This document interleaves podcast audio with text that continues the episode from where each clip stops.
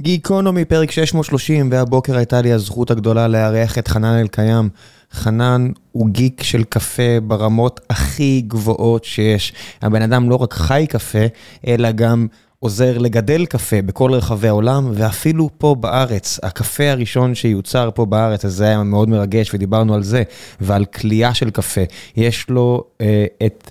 מקום הכלייה ובית קפה מהאיכותיים שיש בארץ, בעמק האלה, אגרו קפה, ודיברנו על חקלאי קפה ועל איך הוא עזר לחקלאי קפה בקולומביה לנצל את האדמה שלהם בצורה טובה הרבה יותר, ואיך הוא הרים מזה עסק לתפארת. ודיברנו על תרבות הקפה שהולכת ומתפתחת פה בארץ, וגם על שלל נושאים אחרים.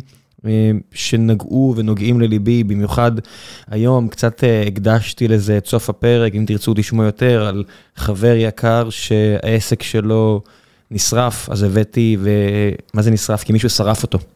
אז הקדשתי לזה כמה דקות וסיפרתי קצת, מאפיית מרטין בבאר שבע, אם תרצו, בסוף הפרק יש התייחסות יותר אה, עמוקה לעניין הזה.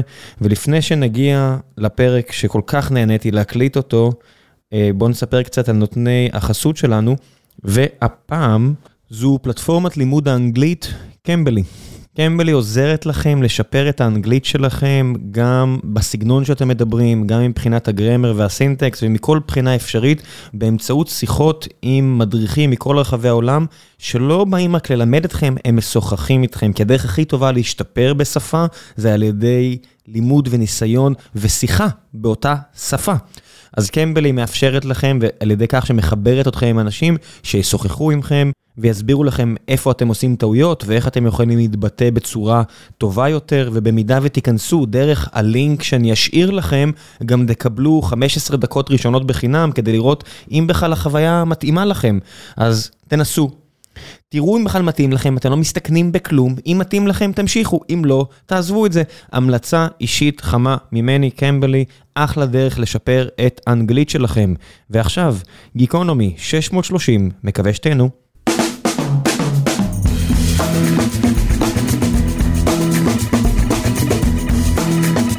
גיקונומי, פרק 630, ואחר צהריים זה יש לי את הזכות לארח את חנן אלקיים מאגרו קפה, ממומחי הקפה הגדולים בארץ, ככה אומרים לי. נכון, שלום, שלום, שלום, אנחנו גם נסביר למה אנחנו מומחים, אבל שלום לך. אני לא מומחה, אתה מומחה. מי שהיה המפקד שלי באיזשהו שלב בצבא, הוא גם בעסק, גלעד, מנגרו קפה. בטח, איש יקר. מה זה איש יקר? והוא הגיע והוא סיפר, ואתה יודע, פשוט התפוצץ לי הראש מהתשוקה הזאת. אתה יודע, הפודקאסט הזה נקרא גיקונומי, כי זה שיחות של גיקים למשהו, גיקים לקפה, גיקים לזה, גיקים לזה, ואני מת על גיקים של קפה. מגניב. אחי, איך הגעת לזה?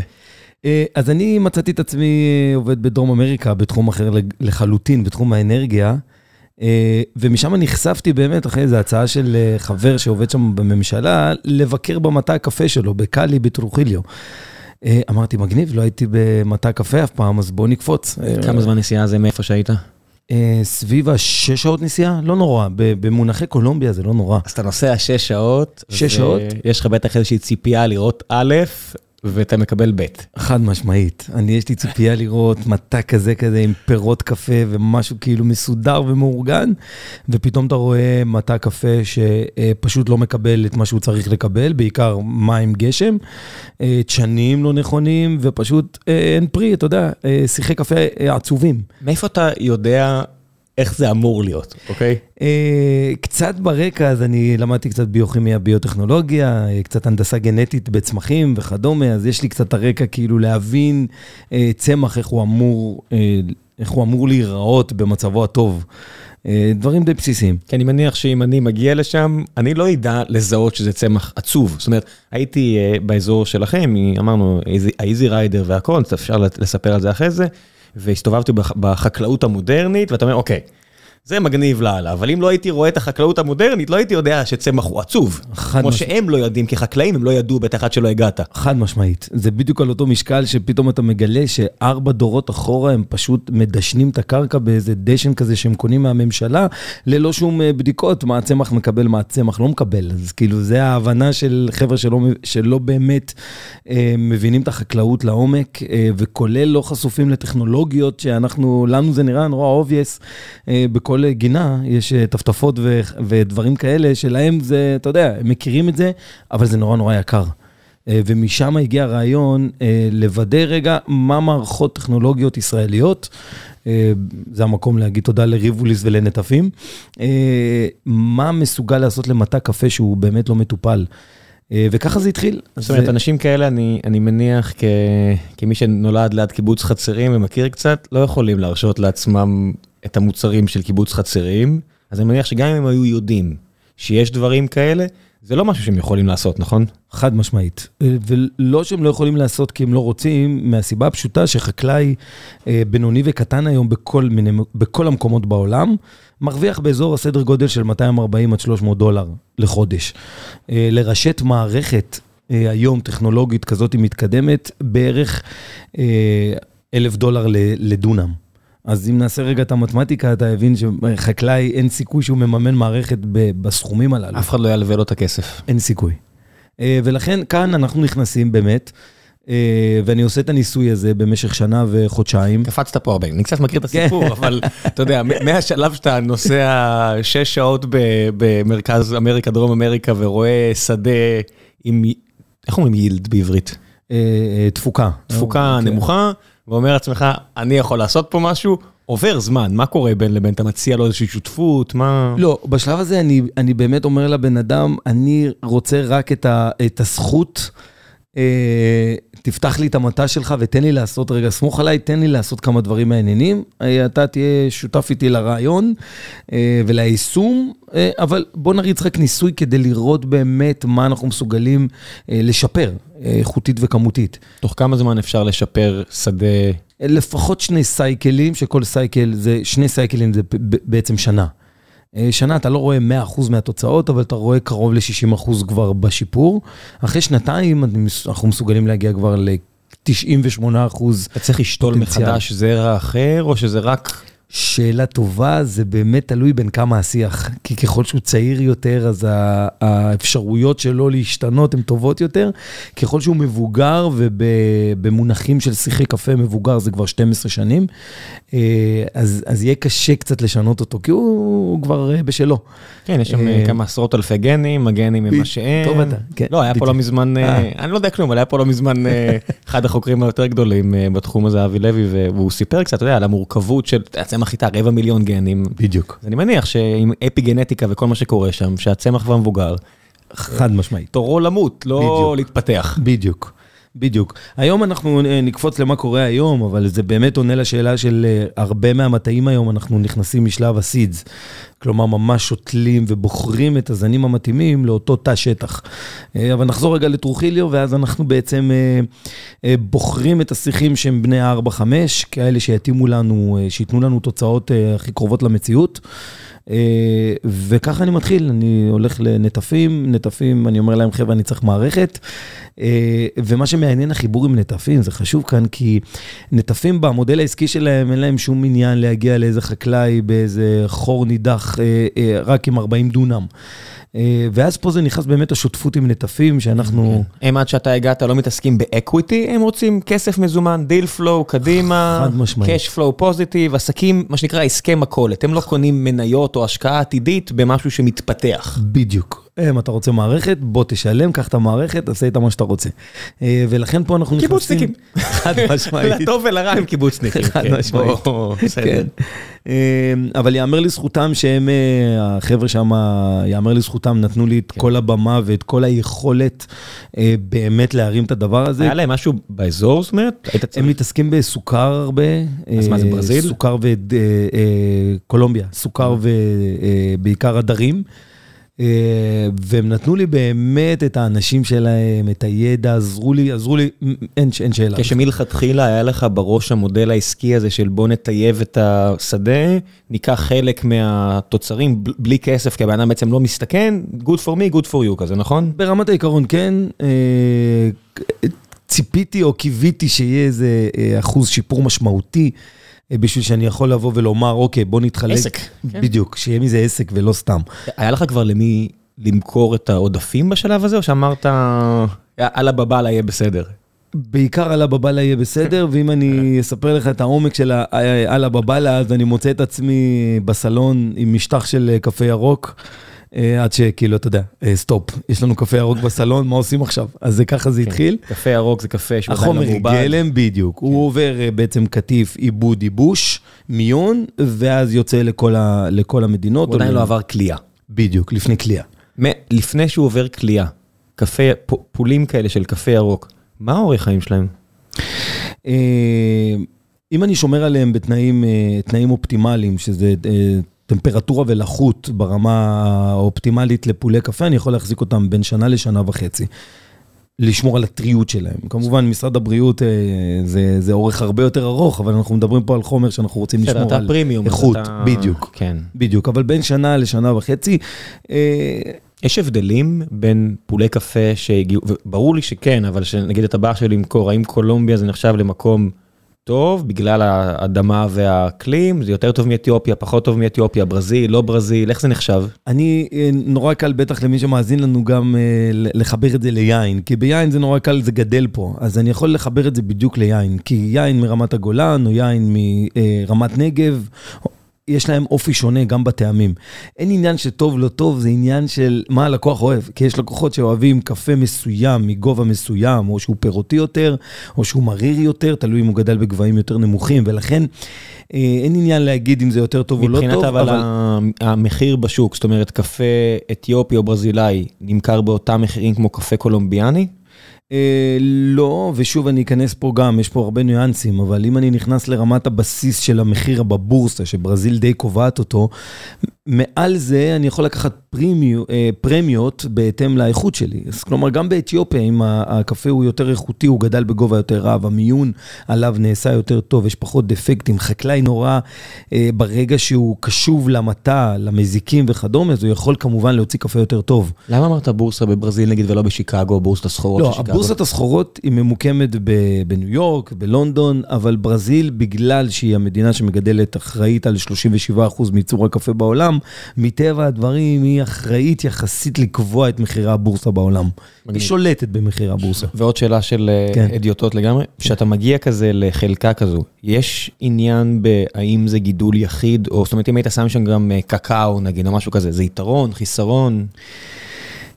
40 אה, דונם אני מניח שאין הרבה משחק, כי זה לא הרבה, אבל בסוף עברת לעבוד עם חקלאים נוספים. יש, קראתי פשוט לאחרונה על סומסום, וקצת התפוצץ לי הראש מהחשיבות של מולטי קרופ לעומת מונו קרופ, או כל מיני כאלה. חד משמעית, בקפה זה קצת יותר אה, מורכב ומסובך מסומסום, מהסיבה הפשוטה ששיחי קפה יש להם איזה UV של צהריים שהם לא אוהבים אותו כל כך, ולכן רוב הגידולים אה, בעולם של קפה צריכים צל. עכשיו, אני יכול לבחור איזה מה, צל, מה? צל. לא, אני מבין צל, אבל צמח צריך, אתה יודע, כל הקטע פוטוסינתזה, כל הדברים האלה. אה, תלוי, תלוי, כל צמחים יש UV כזה אחר שהוא אוהב או לא אוהב. אה, שיחי קפה לרוב צריכים צל, תלוי איפה הם נמצאים כמובן, זה מיקום הגיאוגרפי, אבל תחשוב על כל מדינה, אני אתן אה, לדוגמה את אה, גואטמלה. גואטמלה נורא נפוץ לתת צל לשיחי הקפה על ידי עצי קקאו. ולכן אנחנו נורא, זה משפיע לנו על טעמי הקפה, כי אנחנו מרגישים את הקקאו הזה בתוך הקפה. סוכר? מה שאנחנו קוראים לו הטעם השוקולדי יותר. ואז יהיה פחות מריר כי נוצר פחות סוכר, כי יש פחות פוטוסינתזה? זה בעצם מה שקורה מאחורי הקלעים? גם, וגם הרבה מהפרי, מהפרי עצמו. עצמו של השוקולד אה, בעצם נופל לנו על האדמה, חלקו מתפרק, והשורשים של ה... רגע, זה אמיתי? זאת אומרת, באמת יש, יש טעם של קקאו ב... אה, כן, זה לא עכשיו שאתה תטעם שוקולד כמו שאתה מתאר לעצמך, כן. אבל יש שם נגיעות של קקאו בהחלט. מה, הנחתי שזה פשוט כמו ביין, שפשוט מוסיפים את זה מלאכותית. לא, לא, לא, לא, לא, לא. יש כאלה שמוסיפים, אבל אנחנו מדברים, אה, עסקינן במוצר הרבה יותר איכותי. לא, כמובן לא מוסיפים במוצרים שהם פרימיום. קולומביה, לדוגמה, אוהבת נורא לתת צל לשיחי קפה על ידי עצי בננה. אה, ואז שוב, כל הפירותיות אה, באה לידי ביטוי.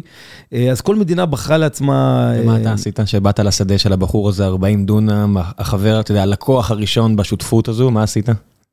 אנחנו פחות התעסקנו בצל, זה כבר שלב הרבה יותר מתקדם להבין את הדברים לעומק. בשלב ראשון זה היה לאפס את, ה, את הקרקע מבחינת כל המינרלים ומה שהצמח צריך, את הצמח עצמו. אה, לתת לו את כל מה שנדרש בשלב ראשון. לא, לא, לא התעסקנו בדברים היותר מורכבים שהם יבואו בחלק ב'. כי זה בעצם יש לך פירות, מה שנקרא low hanging fruits, רק תעשה מים וכאלה ודשן, וכבר העפת את נכון. היילד קדימה, את התוצר קדימה. נכון מאוד. התחממות גלובלית, אנחנו מדברים עליה הרבה, אבל היא גורמת לזה בעצם שברצועה הטרופית בכדור הארץ הגשמים לא מגיעים בזמן, או שהעונה יבשה יבשה מדי, או שהעונה הרטובה... יש פחות גשם, או שהגשם מגיע במכה אחת? בדיוק, בעונה הרטובה הוא מגיע במכה אחת, ולא רק שהוא לא טוב לנו, הוא גם הורס, הוא הורס ממש את המטעי קפה. אה, זה שיח יחסית עדין, אז הוא אה, מושפע מזה באופן מאוד אה, מובהק. אז ברגע שפתרנו את נושא המים, דייקנו את הדשנים לדשנים נוזלים שיוצאים בטפטפת. אחרי שנה וחודשיים קיבלנו בערך שיפור ביבולים של איזה 60 אחוז, כמותית ואיכותית. אוקיי, אז זה מה שרציתי לשאול. וככה נולד העסק. כמותית זה, זה עובדה, אין, אין, אין, אין להתווכח על כמות גדולה יותר. מה לגבי האיכות? איך אתה, הבן אדם שהתרגל לשתות את הקפה של עצמו כל כך הרבה שנים, זה כמו, אתה יודע, הבן אדם שרגיל לשתות את השקית של עילית, הוא אוהב את זה. נכון. זאת אומרת, אתה צריך לבוא ולפתוח לו את הראש, לחנך אותו לטעמים חדשים, כמו שאתה עושה, שתכף נגיע גם לבית קפה, אבל אתה עכשיו אומר, שיפרתי את האיכות. איכות זה משהו סובייקטיבי. אוקיי, אה, מה שאתה אומר הוא נכון לצרכן, לצרכן אה, ממוצע כן. מסוים. היום עולם הקפה שמתפתח בצורה דרמטית בעשר שנים האחרונות, איכות אה, לא סובייקטיבי בכלל, יש לנו קיו גריידרים, קיו גריידרים בעולם שתואמים קפה, בודקים קפה ופשוט נותנים ציון על קפה. כן. אז זה לא סובייקטיבי, יש תעודות כאלה. מי ש... שלא מבין, כל נקודה עשרונית שם זה הרבה עבודה קשה. חד משמעית, אני כן. אתן דוגמה, לקח לנו שלוש שנים לעלות מ-87.5 ל-87.75. זה משמעותי, זה הרבה עבודה מאחורי הקלעים. מה, מה הפרמטרים? תספר. אה, אז זה מתחיל מזה קודם כל שאנחנו נותנים את התעודת זהות לקפה. אה, מי המגדל, מה גודל החלקה, באיזה גובה החלקה. לאחר מכן אנחנו מכניסים את הקפה הירוק ממש לתוך איזושהי מערכת אה, מעבדה שבודקת את הצפיפות שלו, את רמת הלחות, את כמות הדפקטים מתוך הבאץ', מתוך איזו דוגמה מסוימת. צפוף יותר זה יותר טוב? אה, לרוב כן, כי אז הקשרים המולקולריים, ממש ככה בקצרה, הקשרים המולקולריים יותר, אה, יותר קשרים מולקולריים נותנים לנו בעצם יותר אה, סינטוז של חלבונים וכדומה, ולכן אני מייצר יותר קומפלקס טעמים רחב יותר בקפה. זאת אומרת, יש, יש ניסיון להשביח את הזרעים כדי שאתה יודע, תיקח את הכי צפופים ותהפוך אותם, אתה יודע, בסופו של דבר, אנשים חושבים מונסנטו וכל מיני כאלה, אבל בסוף השבחה גנטית זה משהו שבני אדם עושים כבר עשרת אלפים שנה, מאז שבייתו פה חיטה ועד המקדמיה, שזה נראה לי האחרון לפני מאה שנה, לא? אה, כן, יש הרבה בעיות עם הנדסה גנטית, זה נושא שיעור בפני עצמו, כי רק כן. ארה"ב היום מאשרת אה, הנדסה גנטית. האימפריה של מונסנטו. בדיוק, כן. בדיוק. ומי שלא נשאר עם ה... ומי שלא, אז הוא מנסה באמת ביכולות שיש לו, לייצר זרעים או צמחים יותר טובים, יותר עמידים. אבל זה, לא התעסקת בזה, נכון? זה לא... עוד לא, עוד לא, אנחנו, זה שלב ב' בסיפור, כי כרגע אנחנו רק רוצים לבוא ולייצב את ה... להבין מה הצמח צריך כדי לייצר פירות טובים יותר, טעימים יותר, ובכמות גדולה יותר. זה, בש... זה היה החלק החשוב. בשלב הזה אתה כבר הבנת בקפה? לא. לא, בכלל לא, גם לא הייתי... הכוס קפה הראשונה ששתית אצלו, אמרת, טוב, אמרתי מעניין, אמרתי מעניין. מה הם שותים, אספרסו? הם שותים טינטו זה נקרא, אנחנו, זה בעצם פילטר, אה, פילטר פשוט, פילטר בד שאפשר למצוא אותו אצלנו גם, אבל פילטר שפשוט אני שופך מים חמים על אה, קפה טחון שזה מתאים לזה, אבל טינטו זה הקפה האספרסו, אה, הקפה, סליחה, הפילטר הפשוט. אה, זה מעניין, אבל זה גם פותח את הראש, כי אנחנו רגילים אצלנו בישראל, קפה שחור, אספרסו, אה, ופתאום אתה לא שותה משהו אחר מעניין. אתה נראה לי בערך בגילי, לא יודע מה, נגיד, בן כמה אתה? 39. כן, אנחנו בערך בגיל דומה, ואתה יודע, זה כבר כל כך הרבה שנים שיש פה, סלח לי על המילה, פלצני קפה, או אנשים שממש אוהבים, והם הביאו את הידע מאיטליה, נכון. ומכל המקומות בעולם, אז אתה יודע, יש פה... אחד החבר'ה שעבדתי אה, לפני שנים, בחור יקר בשם אורי, לא מפסיק לשלוח לי, אה, אתה יודע, הנה הוא גילה דרך חדשה להכין קפה, והנה דרך יותר טובה, והנה דרך, אתה יודע, הוא ממש, יש כבר כל כך הרבה דרכים, אנחנו כבר נחשפנו, אתה יודע, להרבה דברים. אה, זה כבר לא הדור של ההורים שאתה יודע, באמת הכיר רק נס או לא יודע מה. חד משמעי, אתה רואה את כמות הבתי כליאה שנפתחים בישראל, את כמות, את צורות החליטה כדי להיחשף לטעמים אחרים, ומה שהכי מעניין בזה שהציבור הישראלי, או הדור הצעיר אני אקרא לזה יותר, דווקא כאילו דורש את זה, מתעניין בזה, אוהב את זה, ו... ואני רואה את השינויים אצלנו בפועל, בבית כליאה ובבית קפה, שאנשים פתאום, אתה יודע, יותר אה, נחשפים לעולם הספיישלטי, מה שדיברנו על תעודה, כאילו מי, מי היה חושב, אתה יודע, ש... שבכלל מוכנים לשלם על זה.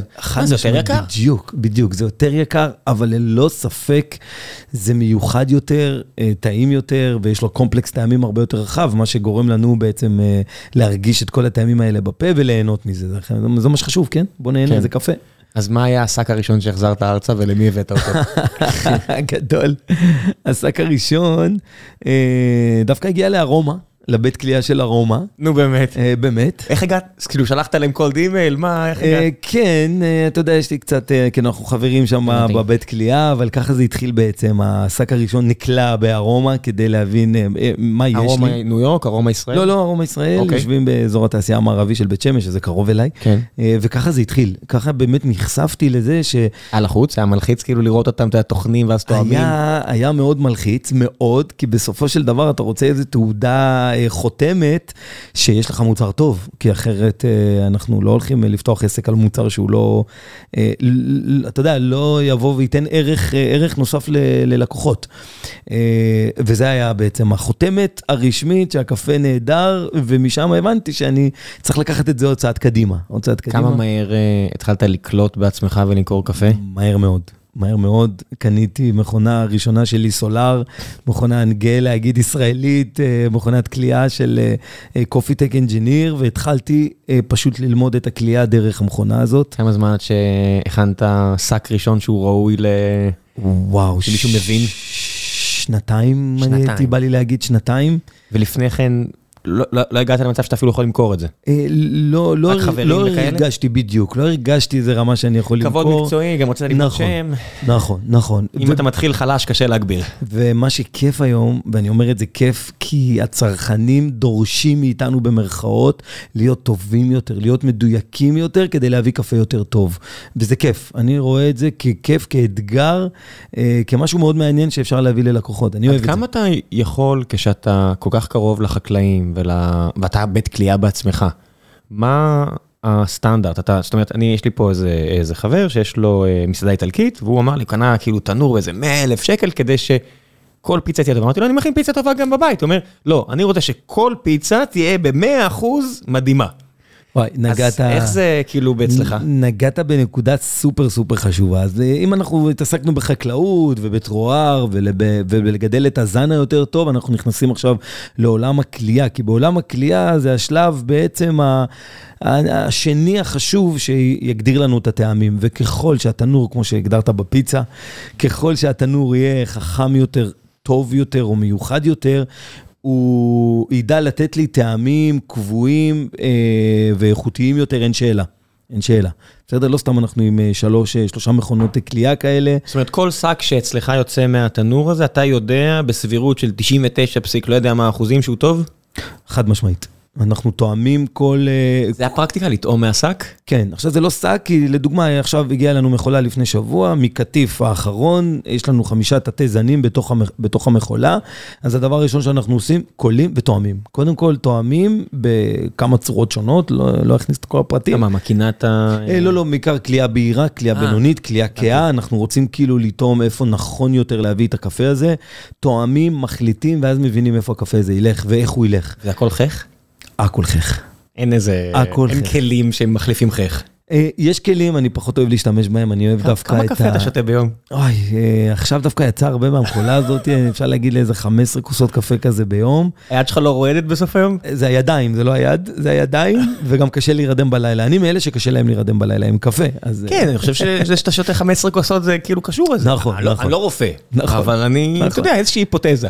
נכון, אבל זה הדרך היחידה לפתח אה, חך, דרך אגב. כן, גם זה גלעד. כמו אבל- שריר, זה כמו כל דבר, זה שריר שאתה מפתח אותו ככל שאתה שותה יותר.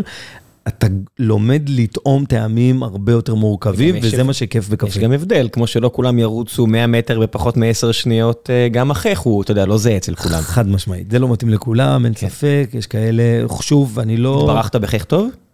אה, אני מפתח אותו עם הזמן, אני, אני, אני בשלבים של אה, קורס של גריידר, של תואמי. קפה, אז אני לקראת הסוף שלי, כן. אה, ושם אתה לומד לפתח את השריר הזה בצורה הכי גבוהה שיכולה להיות. איך אתה יודע, היה פה אוהד סורנו שהוא תואם שמן זית. אה, בטח, כן. והוא הסתובב, אתה יודע, בעולם, ונותן ציונים על כן. שמן זית, והוא הסביר לי קצת איך לעשות את זה, והוא הביא לי שלוק של שמן זית. איך עושים עם קפה? מה, מה הפרקטיקה לבחינה? מי שבוחר אם יש לך 87 וחצי או 88.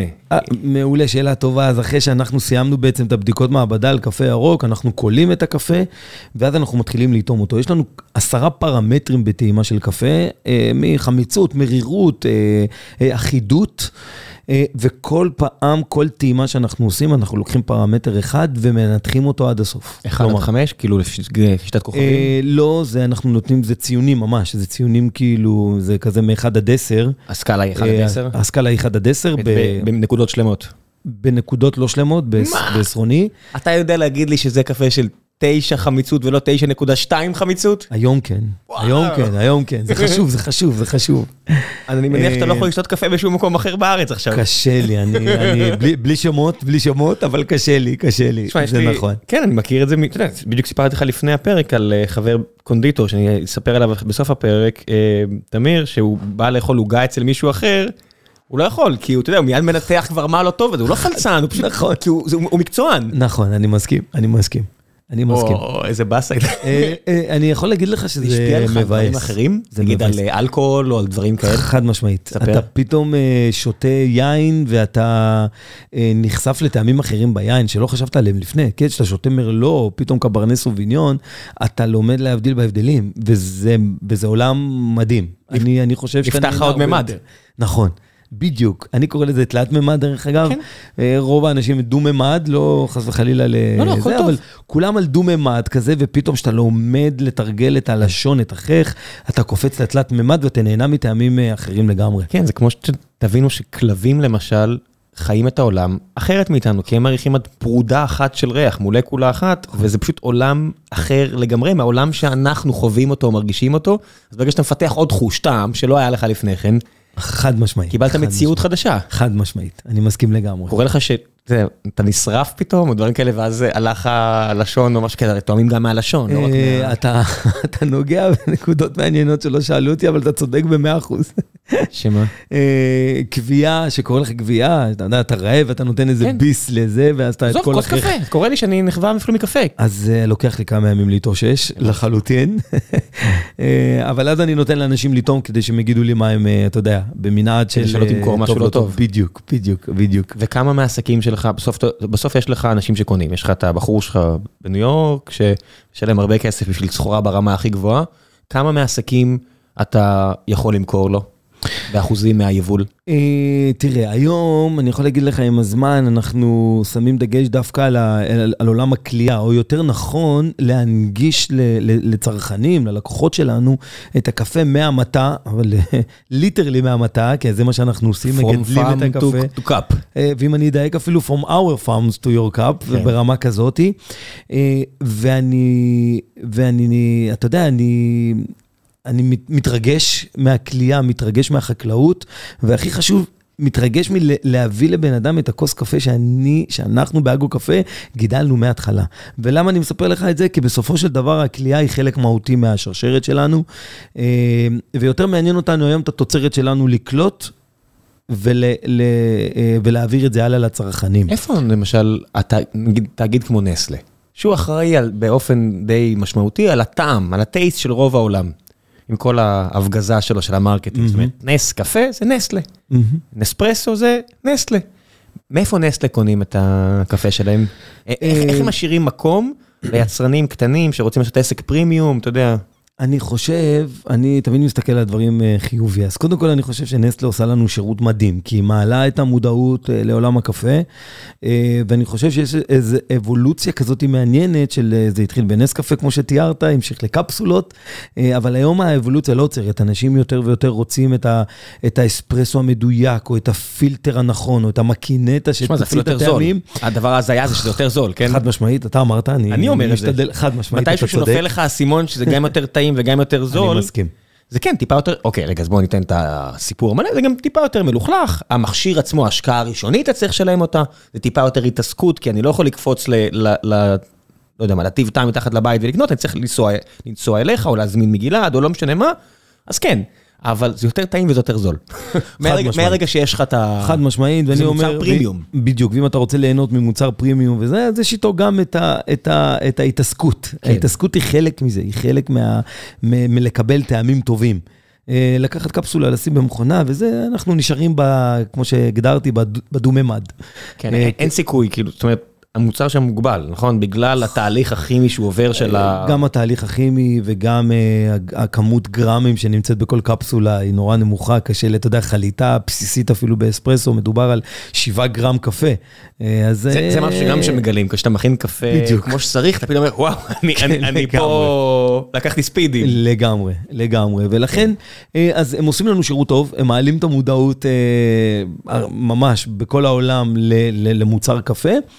שהם עברו ל... אתה יודע, בסוף נגמר להם ה-IP, וכולם שדדו להם את הקפסולות, והם המציאו עכשיו את העניין הזה של הלונגו, לא יודע מה, כדי שהם יוכלו להרוויח עוד 20 שנה של אינטלקטואל, של זכויות קניין, סליחה.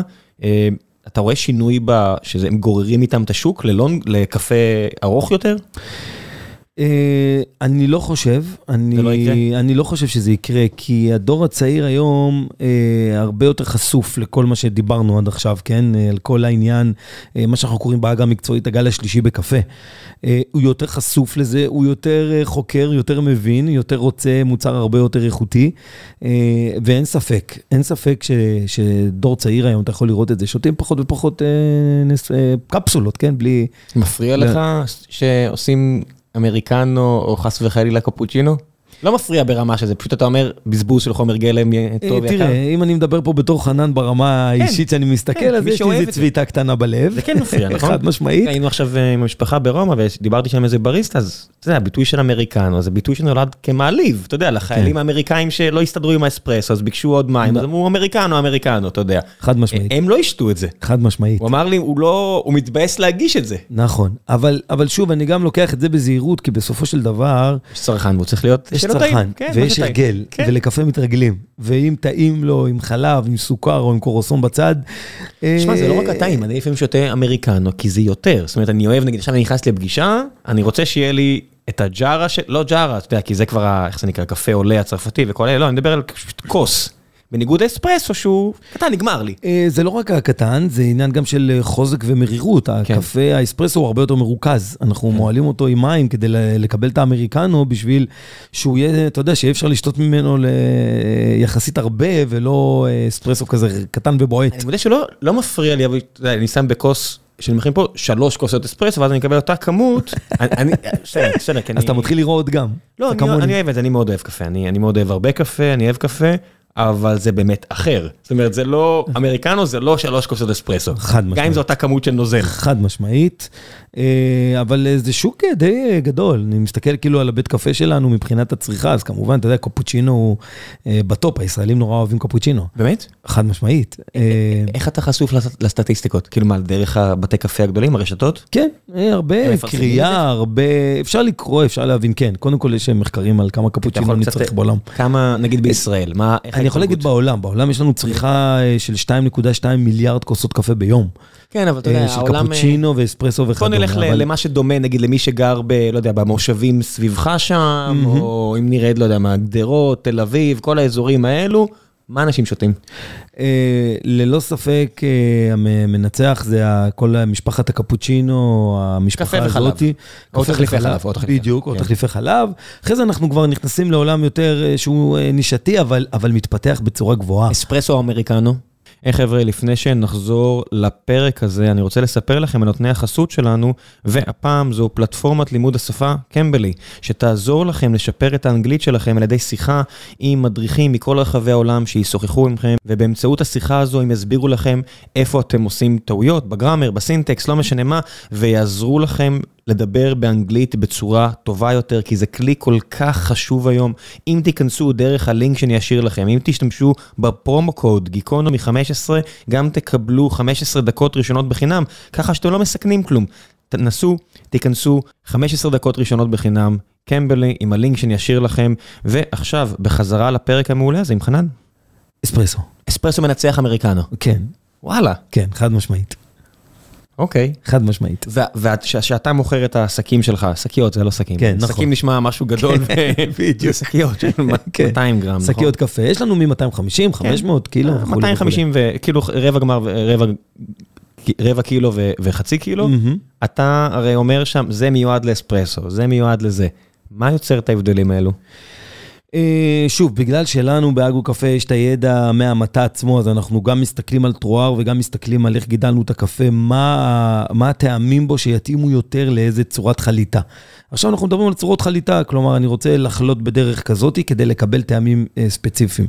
אה, אם אני אקח קפה שאני אקלה אותו בכלייה בהירה, השלב השני בסיפור זה הכלייה.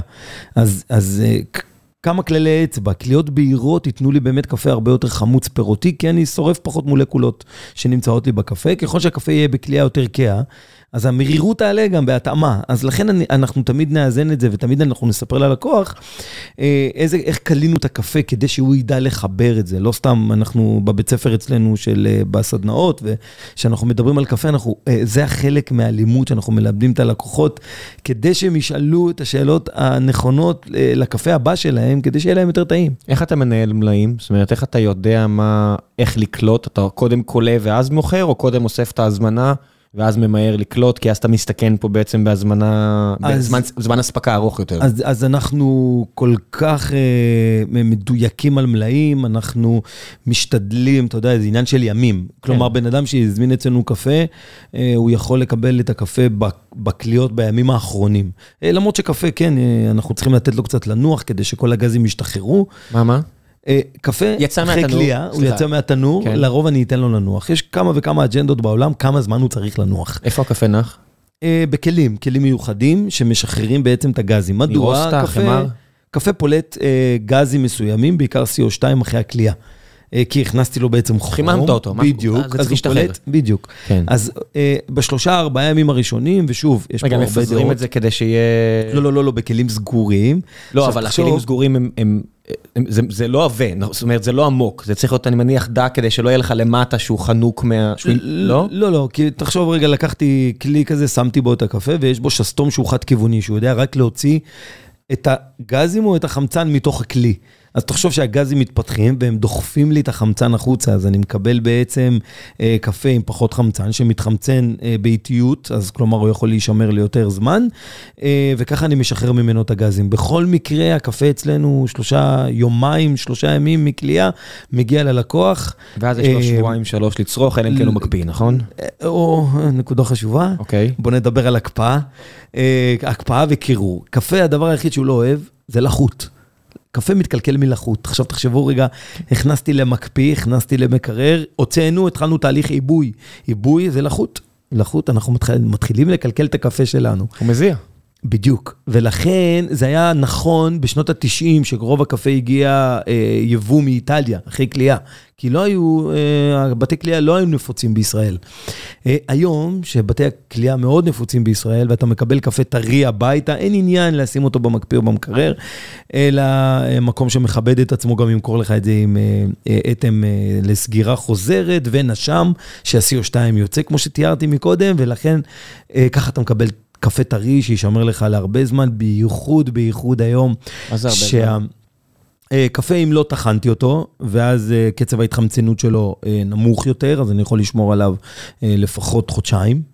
אה, וקפה שהוא טחון, אנחנו מתחילים שטח פנים רחב יותר, התחמצנות גבוהה יותר, ולכן אנחנו מדברים על שלושה שבועות כדי ליהנות מטעמים איכותיים וטובים. בסדר? אני לא מדבר על התקנות של משרד הבריאות, זה משהו אחר לגמרי. אה, ומה שאני בא להגיד, שבתי קליעה נפוצים, הקפה הוא טרי, המשלוחים הם הפכו להיות מאוד אה, יעילים היום, אז אצלנו לקוחות יכולים לקבל את הקפה יום-יומיים אחרי הזמנה. כל חלקי הארץ? כל חלקי הארץ. גולן עד אילת? גולן עד אילת. איך אתה עושה את זה? אה, משלוחים, אנחנו עובדים היום עם חברות חיצוניות, בטח. שעובד טוב? שעובד נהדר. וואלה. שעובד נהדר. אנחנו מדייקים, אנחנו מדייקים אותם כל הזמן. זה קשה, היה פה אבי מביר בזאר, כן. שהגיע והוא אמר כמה, הוא הגיע מניו יורק ואמר, מה זה, המשלוחים פה על הפנים. והוא עשה חברה משלו שעושה משלוחים, כי הוא פשוט אמר, אין לי מי... אני מבין אותו לגמרי. זה הסיפור של דומינוס, הרי דומינוס נכון. עשו עסק ורטיקלי, כי הם נכון. אף פעם לא סמכו על משלוחים אחרים, אבל נכון. זה פריבילגיה של עסק עצום. בדיוק. למי שיש את היכולת לעשות את זה, אני מבין, אחד, נכון. זה רק דומינוס. אני ממש מבין אותם, כי באמת, תחשוב, מרגע שהקפה יצא אצלי מהבית כליאה, אני מחזיק את האצבעות שלי כדי שהוא יגיע כמה שיותר אה, מהר ו- וטוב ללקוח. איך זה כלכלי אבל זה כבר לא בשליטתך. איך זה כלכלי עבורך לשלוח לאילת שק קפה? אני, שקית, אני, אנחנו, אנחנו רוצים להנגיש לאנשים, לצרכני קפה, את הקפה הטוב שלנו, ולכן אנחנו אה, אה, מוכנים לעשות את זה. מוכנים לעשות את זה. מתוך איזושהי הבנה שאולי הם יתרגלו, ואז הם יקנו יותר, ואולי יספרו לחברים והכל. נכון, וככה אנחנו מעלים בעצם את, ה, את החוויה, אני קורא לזה, את החוויה, את הטעמים, את הצריכה בעולם הקפה, משמעותית, ויש לזה עניין. חוץ מעניין של אה, מכירות וכדומה, אבל יש לזה עניין אה, אה, מאתגר, מעניין. בציונים ובכל כן. הדברים האלה. עד כמה יש עניין ל... על רווחתם של החקלאים? זאת אומרת, בסופו של דבר אנחנו מכירים את זה מהרבה עסקים שקשורים לחקלאים. אה, בטח בקקאו, דברים שאני נחשפתי אליהם, או סום סום. אה, עד כמה בכלל מתייחסים ל... ל... לבן אדם בקצה שעובד. אה, אני יכול להגיד לך... מבחינת הציונים ומודעות ו... אז אני יכול להגיד לך שהחקלאים אצלנו, מגדלי הקפה, הם מספר אחת. בסדר? הם, הם, הם, הם הלב של העסק שלנו, אנחנו שמים אותם ממש על ראש שמחתנו. לא סתם אנחנו חברת fair trade עם, אה, עם תעודות, זאת אומרת, אנחנו משלמים משכורות בזמן, אנחנו לא מעסיקים ילדים וכדומה. אה, והחקלאים אצלנו, אנחנו, אתם יכולים להיחשף לכל הסיפורים ברמה, אני אתן לך דוגמאות. אה, חקלאי אליעזר, שאני עובד איתו בנורטה דה סנטנדר, סלזר. פעם ראשונה, ב... אליעזר, כן, זה שם, זה שם כזה מהתנ"ך, זה נורא נפוץ בקולומביה, הם אנשים נורא אדוקים. יש אליעזר אליעזר בקולומביה? יש אליעזר, יש גם עומר, אבל השותף שלו זה עומר, אז אני לא, אתה יודע, זה שילוב. אוקיי. אה, אבל אה, סיפור, אה, סיפור אמיתי שלי, הוא נוגע ללב כל הזמן, אבל פעם ראשונה שהבן אדם אומר לי, לראשונה אני מסוגל לשלוח את הבת שלי לאוניברסיטה. עכשיו אתה רואה את זה ואתה אומר, וואו, כאילו, יותר טוב מזה, זה, זה, זה מדהים, זה מחמם את הלב. אה, ללא ספק החקלאים אצלנו הם אה, בראש ובראשונה, אה, הם החשובים, הם הלב שלנו, והם נהנים מה benefit הזה, כי בסופו של דבר אנחנו עובדים על סוג של win win situation, הם נהנים מתוצרת טובה יותר, שהם מוכרים אותה ביותר כסף. כן, זה לא שלקחת להם את כל העודף, לקחת להם חלק, חלק מהתנובה העודפת, ואז בדיוק. עצם העבודה איתך כבר הגדילה להם את שורת ההכנסה. חד משמעית. עם אפס סיכון, חוץ מה leap of faith הזה של להאמין בך, מן הסתם. בדיוק. ויותר מזה, היום אה, הרבה מהחקלאים שאנחנו אה, כבר עובדים איתם אה, תקופה די ארוכה, אפילו אנחנו נוטעים מטעים מאפס. עוזרים לו לבחור את הזנים המדויקים, עוזרים לו כלכלית, אתה יודע, אם זה גם הלוואות וגם קדומה. זאת אומרת, חקלאי ישראלי שמגדל... מאננס ועד חיטה, או לא יודע מה, יכול לגדל קפה? כן, חד משמעית. אז יש לנו כן? שיתוף פעולה עם... יש, יש קפה ישראלי? יהיה, עכשיו כרגע... יש גדל, גדל קפה. איפה? אה, בגני טל ליד גדרה, יש לנו זה עם אה, דקלה, אנחנו עושים איזה שיתוף, אה, החברה שלה נקראת מטעים, אבל אנחנו עושים שיתוף פעולה נהדר. באחד המושבים שמליד גדרה? נכון, גני טל, כן, בדיוק. וואלה. אז אנחנו אחראים בעצם על התחום החקלאות, על תחום הזנים, יש לנו שם שישה זנים. זה כל כך שונה מקולומביה. בוחרים זנים אה, שבמהות שלהם הם גיבורים יותר, כלומר שהם יכולים לעשות אדפטציה, התאקלמות טובה יותר לתנאים. כי מה שונה? אקלים, חורף, אה, יש לנו בישראל חורף וקיץ, במדינות האלה לרוב הטמפרטורה היא די יציבה, היא שונה קצת בין הלילה ל- ליום, אבל היא די יציבה. אתיופיה אבל זה גבוה, אתיופיה זה לא ככה. אה, אתיופיה זה גם טרופי, זה גם? אה, אוקיי. כן, כן, בחלק העליון זה טרופי, זאת אומרת שיש לנו חם ביום, קריר בלילה, שזה עוזר להתפתחות הסוכר, אבל אה, שיח קפה, דרך אגב, מה- מתחת ל-10 מעלות, הוא מתחיל להיכנס לאיזה העקה. הוא לא ימות, אבל הוא גם לא יפתח לי פירות. יש לך לפחות חודש בגדרה, או. שהוא באזור ה-2-3 בלילה. אה, לא הייתי אומר חודש, הייתי לא? אומר הרבה הרבה פחות. והיום יש דרכים בעצם לפזר את הקור הזה. בסדר? על ידי אוורורים, חימומים וכדומה. מה זה לפ... אין קורש, היעדר חום, מה, אתה אומר, לא. לחמם אותם? כן, כן, סוג של אה, חימום כזה, סוג של לפזר את הקור. יש קור שיורד אלינו למטעים, אז אנחנו אמורים לפזר אותו. ברגע שנצטרך לפזר אותו, זה, זה פטנט עולמי? לא, לא, לא, לא, זה לא, זה- זה, זה זה, די, בכל- כן, כן, זה די משהו נפוץ, כן, זה לא משהו ייחודי. אבל, אבל תחשוב על זה רגע, שלפני 25 שנה מישהו אה, אה, העלה לרגל את הבננה, כן, בננה זה טרופי. לנו זה נראה היום נורא טריוויאלי לגדל... כן, חוף אה, הכרמל. חוף הכרמל מפוצץ בבננות. זה הדבר היחידי רגע- שמותר, מי שלא יגדל שם בדיוק. בננה, תחטוף על הראש מכל המושבניקים המפחידים שיש שם. בדיוק, עכשיו אני, בטוח שאתה יכול לחשוב על הדוגמאות כמו אבוקדו, כמו מנגו, כמו אננס, כמו ליצ'י, כן. שהם במהות שלהם טרופים. כן, הגעתי לפארן, חזרתי. עם אננס, ואתה אומר, איך לכל הרוחות 100 קילומטר מאילת או באר שבע, יש לי. אננס. בדיוק, ולא משנה שהמטע בננות בערבה הוא המטע בננות שהניב אה, הכי הרבה תנובה פר דונם, כן? תשמע, מטורף. אז- אז אני אחזור עכשיו למפעל הזה של האיזי ריידר, זאת אומרת, לאדם עירוני כמוני, שכל החיים שלו גר בעיר, פתאום אני עולה על הכלי הזה, לכו תהנו, אחלה חוויה למשפחה או למקום עבודה. אה, חברה, כן, בסדר, לא אובייקטיבי, אבל אתה נכנס שם לחממות, ואתה קולט שזה טכנולוגיה בגבוה. חד זה משמעית. כאילו שילוב של מכון וולקני, עם הטפטפות של חצרים, עם הכל, וזה בהכי גבוה שיש. אתה מסתכל, אתה אומר, "אה, זה התוצאה, הילד שלי לקח שם קופסה, ארגז של ירקות ופירות, הוא לא ראה דבר כזה. גדול. הילד בן ארבע וחצי, הוא נחשף לתוצר, לתבואה ברמה הזו. אני מסכים. אני אתה. מיד רואה מסכים. שזה משהו שלא ראית אף פעם, חד משמעית. לא בסופר הרגיל. חד משמעית, אה, בלי קשר, אנחנו מעצמה כלכלית, אה, אה, מעצמה חקלאית בתחום הזה, כן? אה, מרגשים באדמה עד, אה, אתה יודע, עד אה, הכל, שהוק- הכל עובד אוטומטי מרמת האפליקציה, כאילו, הכל אתה מקבל את כל אז הנתונים. הקפה יהיה גם טוב ברמה כזאתי? חיובי. אני מאמין שחמש. שנים, חמש שנים נצליח, אה, אה, נצליח לגרום לכמה זנים שכבר מראים אה, תוצאות מעודדות, אה, להיות אה, קפה ברמה המסחרית, ויגדל ב- בארץ ישראל, אה, אני חותם. כמה חסר העניין הזה של ה marketing, אתה יודע, אתה בצרפת, הם שותים שלהם, הם אוכלים שלהם. בגרמניה הייתי באיזה פרויקט, העיפו אותנו, כי הקאנצלרית התקשרה לדויטשה טלקום ואמרו להם, תקנה זימנס, אל תקנה איקס חברה ישראלית, וזה בסדר. זאת נכון. אומרת, לדאוג לשלך, זה לא מיסים, זה לא מכס, אני זה- מסכים. זה פטריוטיות מבחינתי. חד משמעית. איך מטפחים את ה... איך איך תעשו את זה, איך תטפחו קפה ישראלי? זאת אומרת, כי זול הוא לא יכול להיות. הוא לא... עבודה יקרה, מים יקרים. נכון, אבל אנחנו, אנחנו כן אה, מוצאים אה, פתרונות, אה, אתה יודע, אנחנו, אני, אני בעצם עושה הכלאות בכל מיני שיטות בעולם. אם זה מנערות, שזה מנערות שאמור לקטוף ולא, אנחנו לא נעשה קטיף ידני, כי הוא, כמו שתיארת, הוא יקר, ואז הקפה יהיה באמת יקר. אנחנו מנסים כל הזמן לחשוב על שיטות מרמה של לגרום לזנים, לדוגמה, ל, שהפרי יהיה בשל באותו זמן, ולא על תקופה ארוכה מדי, כדי שתוכל לקטוף הכל בפעם. אחת. כן. בדיוק. אז כל מיני דברים, ניואנסים כאלה קטנים שלנו, אה, אתה יודע, קשה קצת אה, לראות אותם, אבל זה, זה, זה ניואנסים. המהפכות שקרו פה, שבייתו. חיטה, שבייתו כותנה, חד משמעית. זה fucking פה. נכון. זה עשרת אלפים נכון, שנה אחורה. אני. לא סתם אומר שאנחנו מעצמה בתחום כן, הזה, זה הם כנראה לא ממש. נראו כמוני כמוך, אבל זה היה פה. זה כמו יש כזה בדיחה של ג'ו רוגן, שאומר בכל מקום אה, ישו הוא נורבגי מטר שמונים וחמש כזה רזה צלוב עם טלטלים, הוא אומר, ישו היה בדואי מטר ארבעים, מה יש לכם? זה אנשים שגרו פה, מה- אתם חושבים שהיה פה?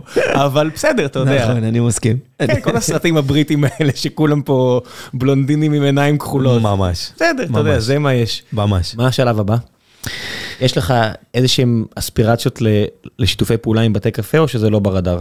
אנחנו, אה, 70% מהפעילות, צריך להבין את זה רגע, 70% מהפעילות העסקית שלנו היא פעילות חקלאית. אה, אז אנחנו... כן, הכסף מגיע לזה שאתה מוכר ל... נכון, נכון. אז אנחנו ב... ב- 70 אחוז? לא, הייתי בטוח ש-95 היית אומר לי, 70 70 אחוז, כי פתאום. הבית קליעה, הבית קליעה אה, תופס. נפח מאוד מעניין. אה, אבל אני חושב, בגלל שהחקלאים וכל הדבר הזה נורא מרגש אותי ברמה האישית ונורא אה, ממלא אותי, אז החקלאות היא תופסת מקום מרכזי. אנחנו אה, תוך כמה שנים נגיע, נעשה את כל הפרויקטים האלה לא רק בקולומביה, אנחנו מתחילים פרויקט אתיופיה, קניה, קוסטה ריקה, גואטמלה, אינדונזיה. רגע, רגע, רצת, רצת, רצת. עצור. כן. יש פה, יש כל, כל דבר כזה זה נושא. א' כל אינדונזיה, סחבק ישראלי כמוני, אני לא יודע איך אתה מגיע לאינדונזיה, אם אתה צריך מישהו עם דרכון אחר שיעשה את זה, או כמו שכולם עושים, להעלים עין. עכשיו פה איזה מישהו לא מזמן אמר לי, כן, עשיתי עסקים בערב הסעודית, ואחר אמרתי, fucking ישראלים. נכון. אפריקה, בטח אתיופיה, עכשיו שיש שם מלחמה. אנשים מדברים על המלחמה באוקראינה, אבל באתיופיה יש מלחמה, מלחמה רעה. אה, איך עובדים שם? תראה, אה, תמיד אני אומר, זה לא פשוט, זה מורכב, וזה, וזה הכי טוב ככה, כן? זה מורכב, זה, זה, זה מורכב אתה, ומסובך. אתה טסת לאתיופיה עכשיו? אה, כן, אבל, אה, אבל, אבל, אבל תמיד זה יהיו חבר'ה מקומיים, תמיד כאלה חבר'ה שאנחנו יכולים, אתה יודע, לסמוך עליהם, בונים את ה relationship. דרך אגב, כל המורכבות זה הריליישנשיפ, זה הריליישנשיפ מול האנשים ומול החקלאים, אה, כי בהתחלה מרימים הרבה גבות. אתה יודע, בקולומביה לפני שבע שנים כולם הרימו גבות. אבל לפחות אתה עובר את השפה. נכון, נכון, אז, אה, נכון, אבל uh, באתיופיה אנחנו נמצא את האנשים הנכונים שינהלו את זה. Uh, בקולומביה לקח כל כך הרבה זמן, תחשוב לחקלאי לבוא ולהגיד, אני לא מאמין uh, שייתנו לי קפה uh, אקסטרה מהתוצרת, ופתאום כשזה קורה, uh, אנחנו מקבלים מיילים על בסיס יומיומי של חקלאים מהעולם שרוצים לעבוד איתנו.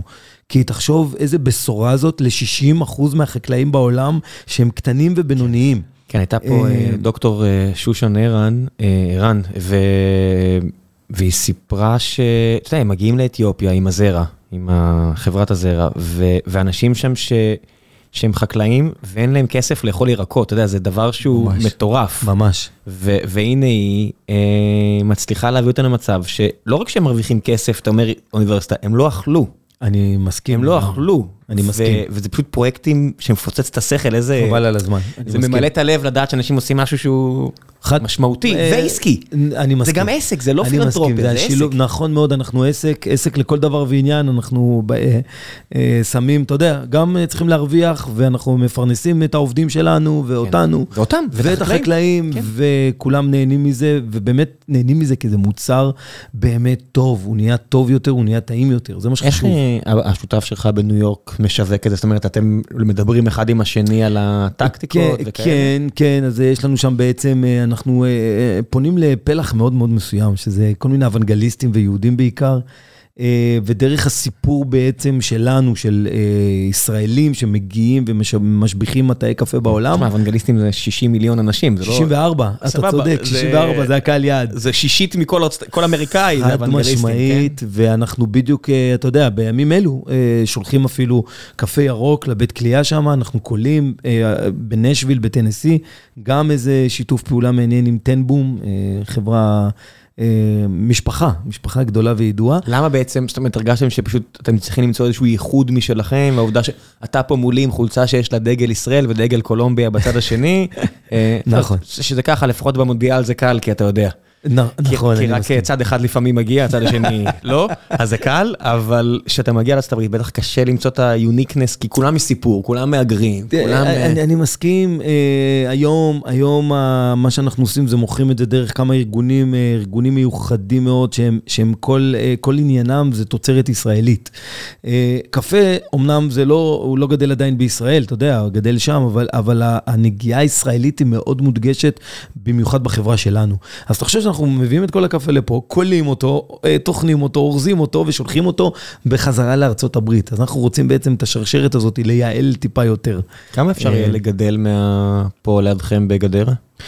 אני מאמין שתוך אה, חמש שנים יהיה לנו כמה זנים טובים שנוכל לצאת. כמה טונות?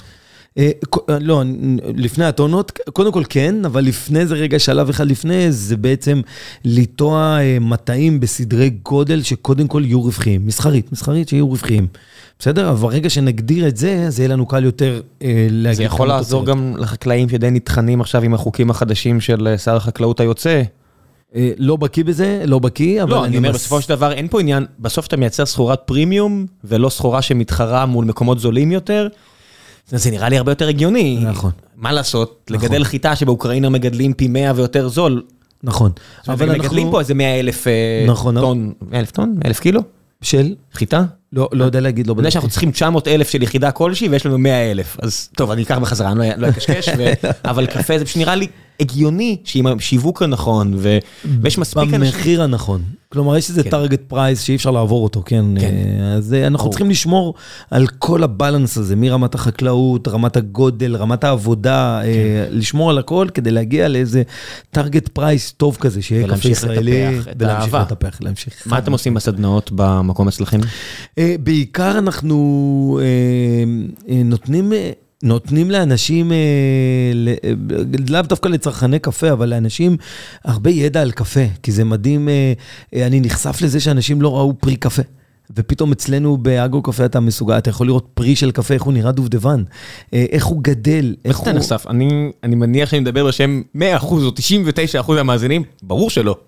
בדיוק. fucking עירוניים עצלים, מתי ראינו פירות? בדיוק, ואני, וזה ממלא אותי, זה באמת ממלא אותי שפתאום כאילו אתה, אתה, אנשים עומדים עם עיניים פעורות מול פרי של קפה. איך נראה פרי קפה? בדיוק. תספר לי איך נראה פרי קפה. הוא דובדבן ממש אדמדם, שבתוכו יש שני זרעים, שני זרעים שיושבים כזה בטן לבטן או גב לגב, שזה בעצם פולי הקפה. וואלה, זה מה שהפרה באתיופיה אכלה ואז יצא קקי ומישהו ראה קפה? ככה האגדה מספרת. עד היום, קפה לוהק. אבל פתאום אתה מספר לאנשים את כל הסדר הכרונולוגי שהקפה עובר מהמטה עד שהוא מגיע לספל. כמות המורכבות וכמות העבודה והאנרגיה שאנחנו משקיעים להוציא קילו, שזה בערך 4,000 עד 5,000 פולי קפה, כל כך הרבה עבודה. מה אמרת עכשיו? בכל קילו קפה. יש בין 4,000 ל-5,000 פולי קפה. שכמה צמחים זה? כל שיח נותן לנו בשנה, כי יש לנו שתי עונות קטיף, כל שיח בממוצע נותן לנו קילו קפה ירוק. פרגמינו, זה קליפה מסוימת. שוב, אתם תגיעו אלינו ואז תראו... אתה מדבר פה על עשרות גרמים של... חד, חד משמעית. זה הכל. נכון, אז וואי. פתאום אנשים מגיעים אלינו, הם נחשפים גם לעולם הזה, שהוא החקלאות ומה עובר על הקפה עד שהוא מגיע אלינו, גם לעולם הכלייה, והכי חשוב, לעולם הטעמים. אנחנו נותנים טעימות של קפה מכל מיני צורות חליטה שונות, כדי להמחיש לאנשים איך צורת החליטה משפיעה על הטעמים. זה, זה 45 דקות עד שעה, חווייתיים, נעימים ומומלץ. אני, אני ממליץ. אני מניח שגם עוזר שזה פרווה, זאת אומרת, אתה, אתה פתוח... לא חשבתי על זה, אבל לא, אתה צודק. תחשוב, יש פה חלק עצום מהאוכלוסייה, שאם היית משהו חלבי, אתה תקוע, משהו בשרי, אתה תקוע. זה שאתה מייצר מוצר שהוא פרווה, אתה פתוח לאנשים דתיים שהם רוצים משהו איכותי. צודק במאה אחוז, במאה אחוז. אתה רואה נגיד חרדים או דתיים שבאים אליך והם בטוח, אתה יודע, אתה לא תראה את זה במקומות אחרים, כי הם יחשדו, אתה יודע. נכון, נכון. מה גם שאנחנו גם מוצר, אתה יודע, כשר. סלח לי על הבורות, אבל מה זה בכלל אומר? אתה נוגע בנקודה חשובה. אני אגיד לך למה. כי בוא נתחיל רגע מהבסיס. קפה בכל המקומות בעולם הוא כשר. למה? כי מכונת כליאה, אתה לא תכניס בה לא בשר ולא חלב כדי שיהיה לך קפה. אנחנו נכנסים בשלב השני לזה שאנחנו צריכים כשרות, כי זה כלים אחרים, חלב מסוים. על מה אתה מדבר? למה אתה צריך... אפרסק כשר? יש דבר כזה אפרסק לא כשר? קודם כל כן, אם הוא גדל בארץ ישראל, אז יש כל מיני חוקים, חוקים ומצוות שתלויות על אותו אפרסק. אבל קפה לא גדל בארץ ישראל עדיין. שנת שמיטה וכל הדברים. בדיוק, אבל תחשוב רגע שקפה, לא רוב, כל הקפה שנכנס למדינת ישראל, הוא לא גדל בארץ ישראל. אז אין לנו עניין של תרומות ומעשרות וזה. לא, לא, בואו לא ניכנס לזה. הבנתי. אבל, אבל את המוצר, המוצר שלנו עדיין כשר, גם בד"ץ בית יוסף וזה וכולי וכולי, אז... זאת אומרת, אני לא יכול להגיע ביום שבת גם. נכון, אנחנו סגורים בשבת. שישי בוקר? חד משמעית כדאי לך לבוא, הפנינג אצלנו. זה, זה זמן טוב. טוב, בוא נעשה, בוא נעשה קצת שאלות מן הקהל, כי אני תמיד מספר מי האורחים שמגיעים, ואז נותן לאנשים לשאול, ותתפלא שלא יודע אם אתה מבין את זה, אבל קפה זה אחד הדברים היותר פופולריים בקרב... פלצני פודקאסטים. לא, באמת, גלעד היה פה. אז טוב שהזמנת אותי, אתה צריך להזמין אותי עוד. תגיע, גלעד היה פה, אמרתי לו, הוא אמר, מה ישמעו, זה 5,000? אני אמרתי לו, אחי, זה פרק של 25 אלף האזנות, זה לא... אנשים פה חולים על הדבר הזה. מגניב, אני שמח.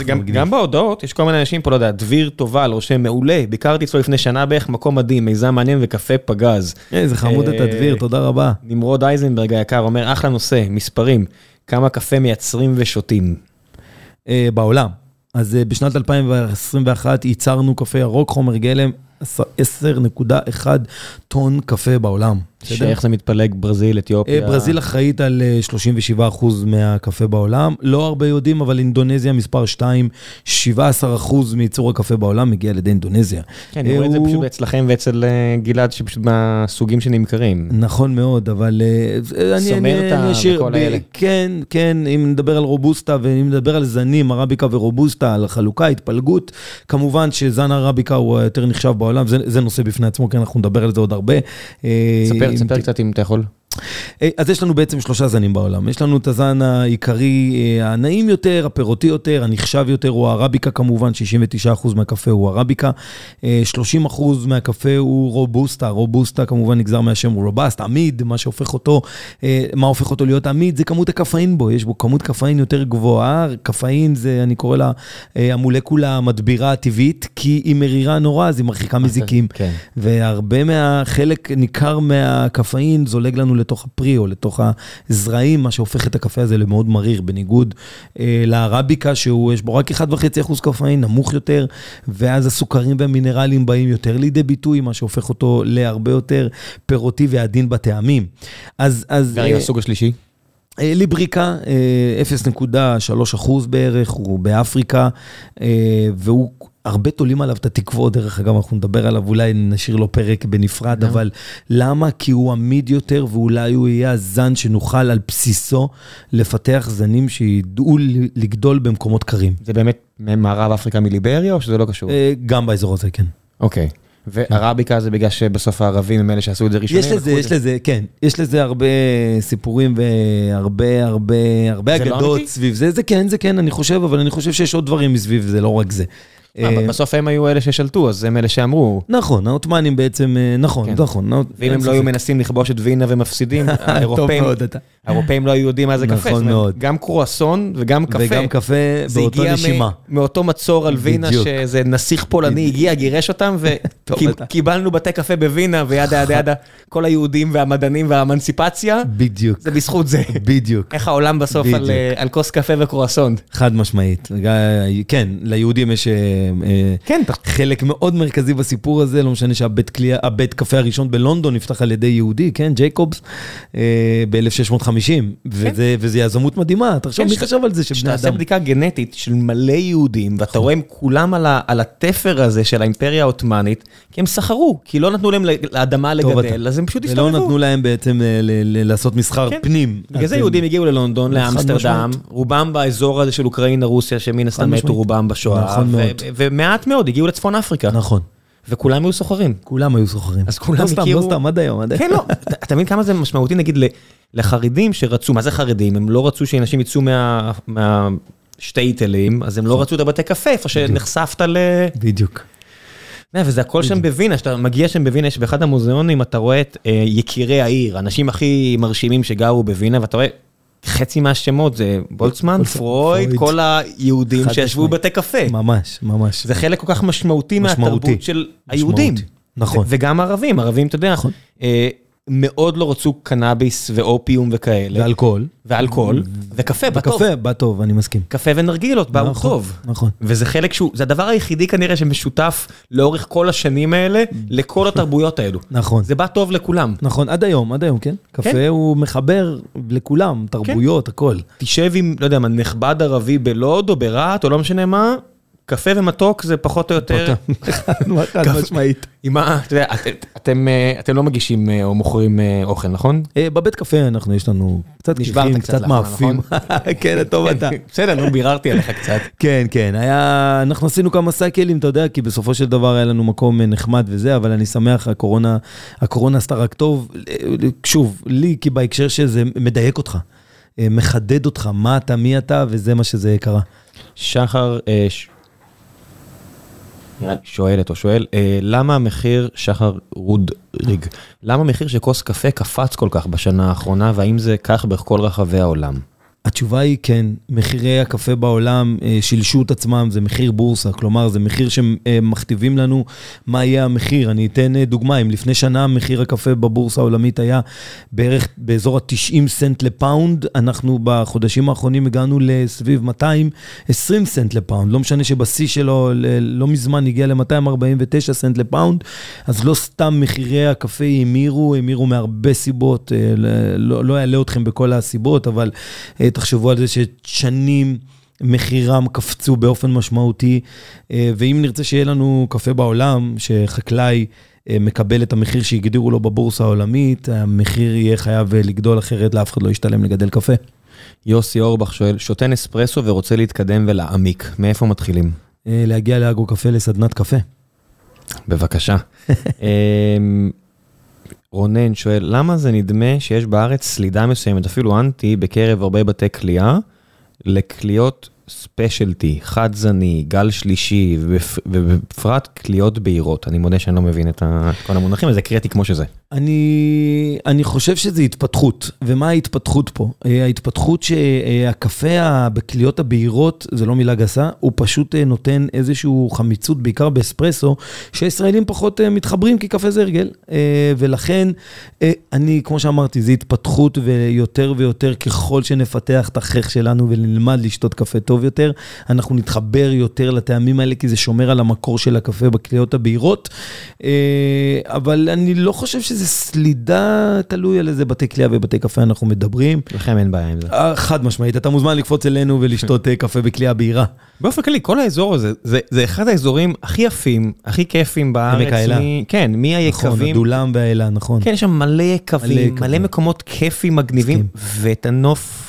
מסכים. שאתה לא קולט שזה, זה לא נתפס שזה בארץ. מסכים, ועוד רגע בכלל הוא הופך להיות מקום מדהים. כל ה... כן. כן, כן, מבחינת השנה.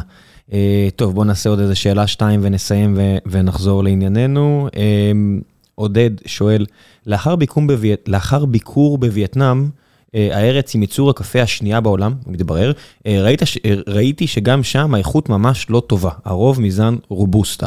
האם הם מתכננים להיכנס למדינות אחרות, לדוגמת וייטנאם? כי לא ציינת...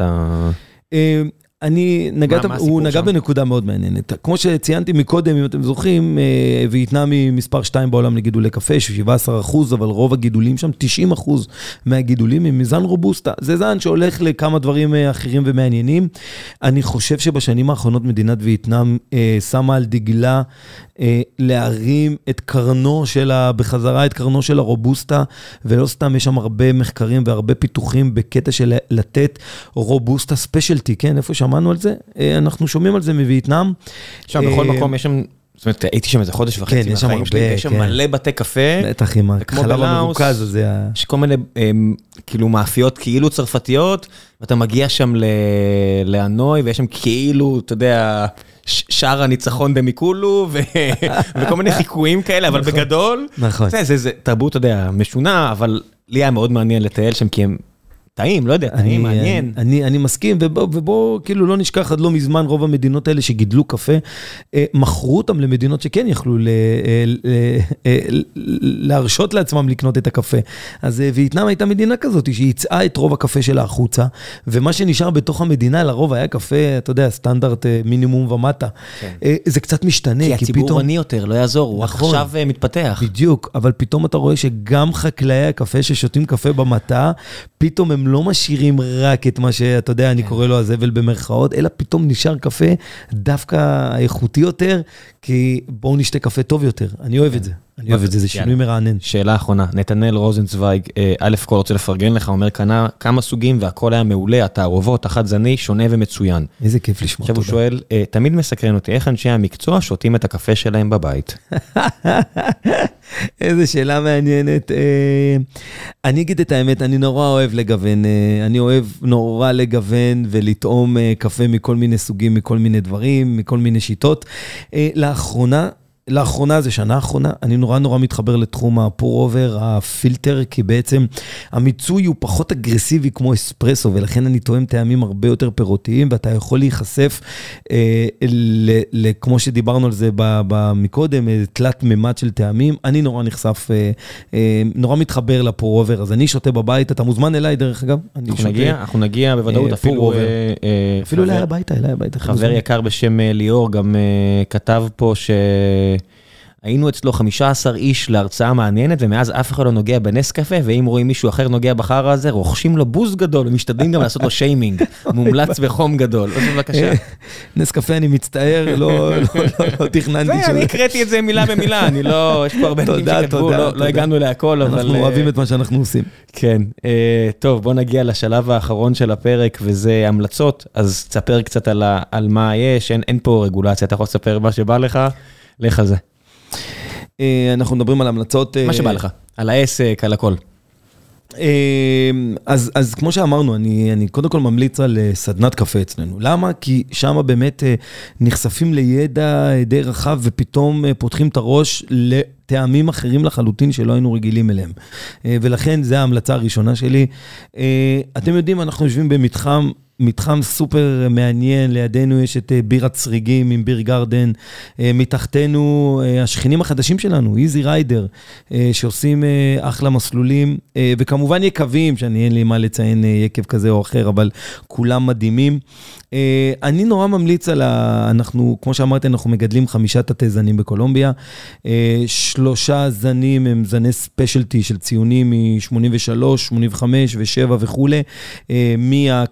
מהקסטיג'יו ב natural process עם אה, טעמים סופר מעניינים ומיוחדים, שלא תואמים פה לרוב, דרך ה pink bourbon ודרך הגיישה. אני באמת ממליץ לטעום אותם בקליעות בינוניות, בפילטר, ב pour over, אני מבטיח לכם חוויה נהדרת נהדרת של טעמי קפה חדשים ומיוחדים. אני אקח את הבמה להמליץ על שני בתי עסק נוספים. אחד, אבישי שבתאי, אה, יש לו מקום אה, של קעקועים, אתה לא נראה לי הטיפוס, אבל urban body TLV, אה, הבן אדם הגיע, גם דרומי אה, כמוני, הגיע אחרי איקס שנים שעזב אה, ללמוד, להכיר אה, בארצות הברית, חזר, פתח מקום בתל אביב. רמה אחרת, זאת אומרת, אני אשאיר לכם פה לינק לאינסטגרם שלו, אם אתם עכשיו חושבים על קעקוע או תכשיטים כאלה ואחרים בגופכם, רמה אחרת, הבן אדם תותח על, ואם אתם אוהבים או חושבים לעשות קעקוע, לכו, תבקרו, תגידו שהגעתם דרך ראם, המלצה אישית חמה, חמה, חמה, חמה, חמה. הוא חבר של חבר, אז באמת זה עניין פה אובייקטיבי, זה לא, זה לא שאני מכיר אותו אישית, אולי יכיר אותי, אבל אני באמת, ממש כיף לפרגן שאני רואה אנשים שהם מקצוענים ורציניים וגיקים של הדבר הזה, גם תדברו איתו על קעקועים, הוא ישמח לפוצץ לכם את השכל. ודבר נוסף, מה שרציתי להגיד, אה, להקדיש את הפרק הזה, חבר יקר, אחד מהחברים הקרובים שלנו, תמיר, מאפיית מרטין, סיפרתי לכם קצת על המקום הזה. אה, שרפו לו את העסק אתמול, כי אנחנו חיים במדינה אה, שהיא בלי חוק. ועכשיו היה פה בחירות, ובקושי דיברו על זה. זאת אומרת, מפלגה אחת, שתיים, שאני לא בטוח אם הם יעשו משהו, אבל הם לפחות דיברו על זה. מפלגות אחרות בכלל לא דיברו על זה. אה, אז הנה המלצה חמה, חמה, חמה. מרטין, מישהו שניסה להביא משהו אחר לנגב, הוא עדיין, עדיין עושים משלוחים, כי יש להם כמה מקומות והרסו רק מקום אחד, ואני בטוח שתמיר ישפץ שם כמה שיותר מהר ויחזור על הרגליים. אבל בינתיים, אם חשוב לכם אה, לעזור וחשוב לכם להראות שלא קל אה, לשבור עסקים כאלה של אנשים חזקים, לכו, תזמינו, תקנו משהו טעים לסוף שבוע הזה או לשבוע הקרוב, אה, ותעזרו גם לבעל עסק שלא קל לו, כי המדינה קצת הפקירה אותנו. אנחנו משלמים המון המון מיסים, ולא מקבלים אה, את הדבר הראשון, שזה ביטחון על גופנו ורכושנו. אז כל מה שנשארנו לעשות זה להיות שם עבור אחד השני. חד משמעית. חד משמעית נקנה ממנו עוגה לשבת. ובנימה זו, המון המון בהצלחה גם לארגו קפה. תודה רבה, תודה רבה. אגרו קפה, עשיתי פה, אמרתי, כן, אגריקלצ'ר קפה. פתחו את הראש, תאכלו יותר טוב, תשתו יותר טוב, תזמינו פחות, אבל תעשו יותר טוב. עדיף איכותי יותר על הרבה יותר בדברים האלו, כי אחרי שהלכתם יותר טוב, קשה לחזור אחורה. נכון. נכון. זה המסקנה, וגם צאו לטייל באזורים האלה, זה פשוט השילוב מנצח. לגמרי לגמרי, מוזמנים, תודה רבה. יאללה, אני מקווה שנעשה עוד אחד, ואולי פעם הבאה אני אצלול קצת יותר לגיקיות של זנים וכו'. ביי ביי. ביי.